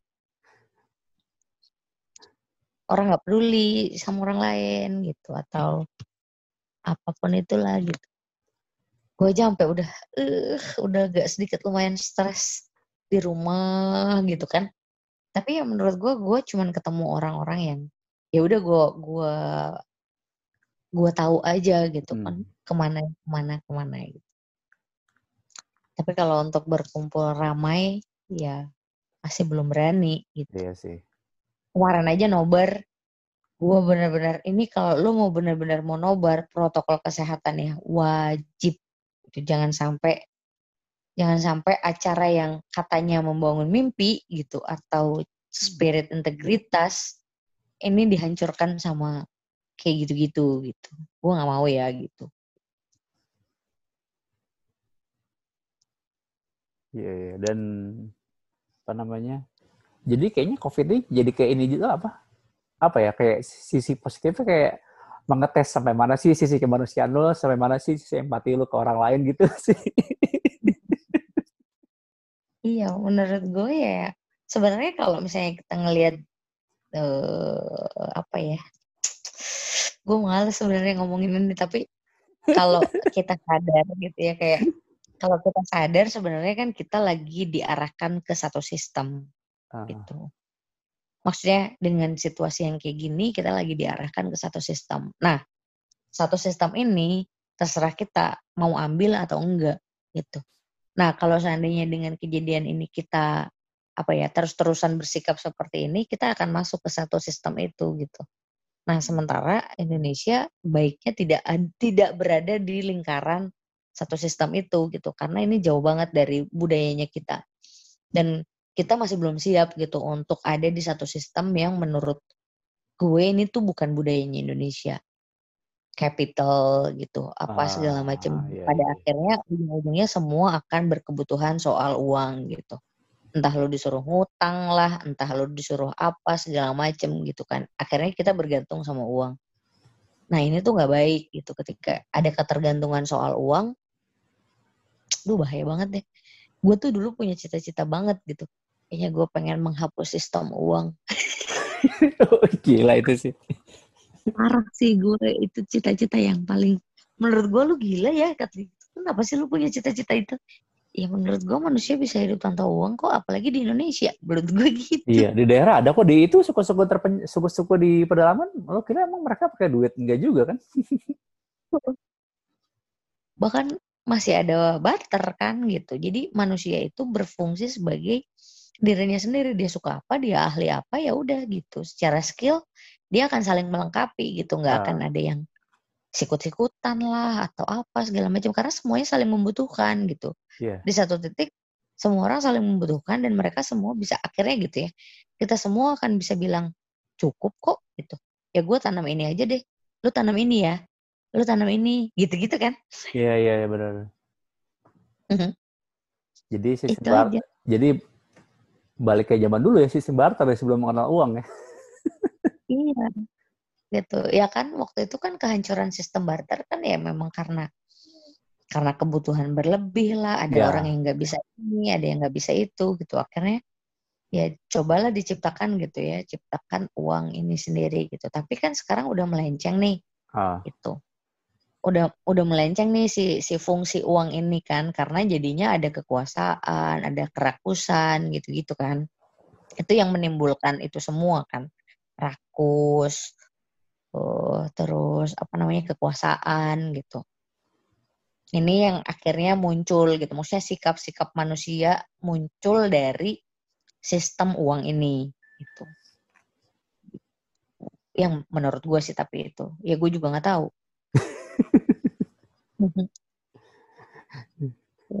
Ya. Cuman itu cara berpikir gue aja. Ih, kok uang bisa kayak gini ya gitu. lu pasti kan mikir gitu karena ada kegelisahan yang lu lihat di sekeliling lu aja, makanya lu akhirnya punya punya pemikiran kayak gitu. Iya karena eh, nilai-nilai itu yang yang kan kalau misalnya lo lihat yang inget kayak yang di Binaya itu kan, Iya. dulu kita nggak ada uang bisa hidup, Oh iya sekarang benar-benar. Kita nggak bisa hidup gitu. Nah, Itu real kok gitu, itu real kok. Terus eh, manusia hidup jadi eh, itu itu itu pertama kali gue bertanya sama diri gue sendiri, Hmm. manusia itu hidup buat apa sih? Itu yang gue tanyain. Eh, gue bilang itu manusia hidup buat apa ya? Sebenarnya gue lahir di muka bumi ini tuh buat apa sih gitu. Dan sampai sekarang gue juga belum nemu jawabannya gitu. Gue tuh hidup buat apa? Yang pasti gue terus harus memperbaiki diri gue karena menurut gue, gue dilahirkan ke muka, eh, maksudnya gara-gara baca ini juga. Gue dilahirkan ke muka bumi ini karena lu masih bermasalah. Kalau lu nggak bermasalah, lu nggak akan lahir di muka bumi ini, ini. Dan lu harus selesaiin masalah lu. Masalah Oke. yang mas- masalah ini, masalah leluhur lo. Masalah leluhur lah, Iya. masalah-masalah masalah jiwa kan. Iya, iya, iya. Kalau lo udah Gitu. udah udah Iya. apa namanya? udah beresin misi di di kehidupan sekarang, nanti berikutnya ya bisa kemungkinan lo nggak akan men- menitis lagi ke ke tubuh. Mungkin ya udah langsung kembali ke yang menciptakan gitu. Iya udah itu. Iya misteri sih hidup tuh ya misteri. Cuma kadang-kadang ya manusia aja yang suka bikin pusing. Manusia sendiri yang bikin rumit ya. Iya. Hidup itu sederhana, hanya manusianya aja yang selalu bikin rumit. Itu tulisan siapa ya? Kayaknya gue pernah baca deh. Kalau gue waktu itu malah ngebacanya ini apa dalam apa eh, perspektif bisnis. Bisnis bisnis itu gampang, tapi manusianya yang bikin ribet. Iya benar. Manusianya bikin ribet karena terlalu banyak mikir. Iya. Jalan Kalau aja dulu. Jalan dulu ya nanti kan pasti kan ketika lo jalan pasti kan ketemu oh iya bisa begini bisa gini akan banyak improvement lah akan banyak apa kayak feedback feedback yang jadi apa ya ya memper menyempurnakan proses yang udah lo lakuin sebelumnya gitu kan Iya. Benar banget. oke deh Cimit Thank you ya udah oh. mau gue kepoin dan ngobrol-ngobrol bareng gue. Eh, siap. Terima kasih lo ya. Sudah mengorek-ngorek isi kepala gue.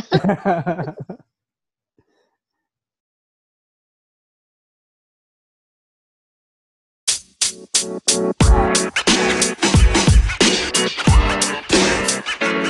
know, man. You know, man.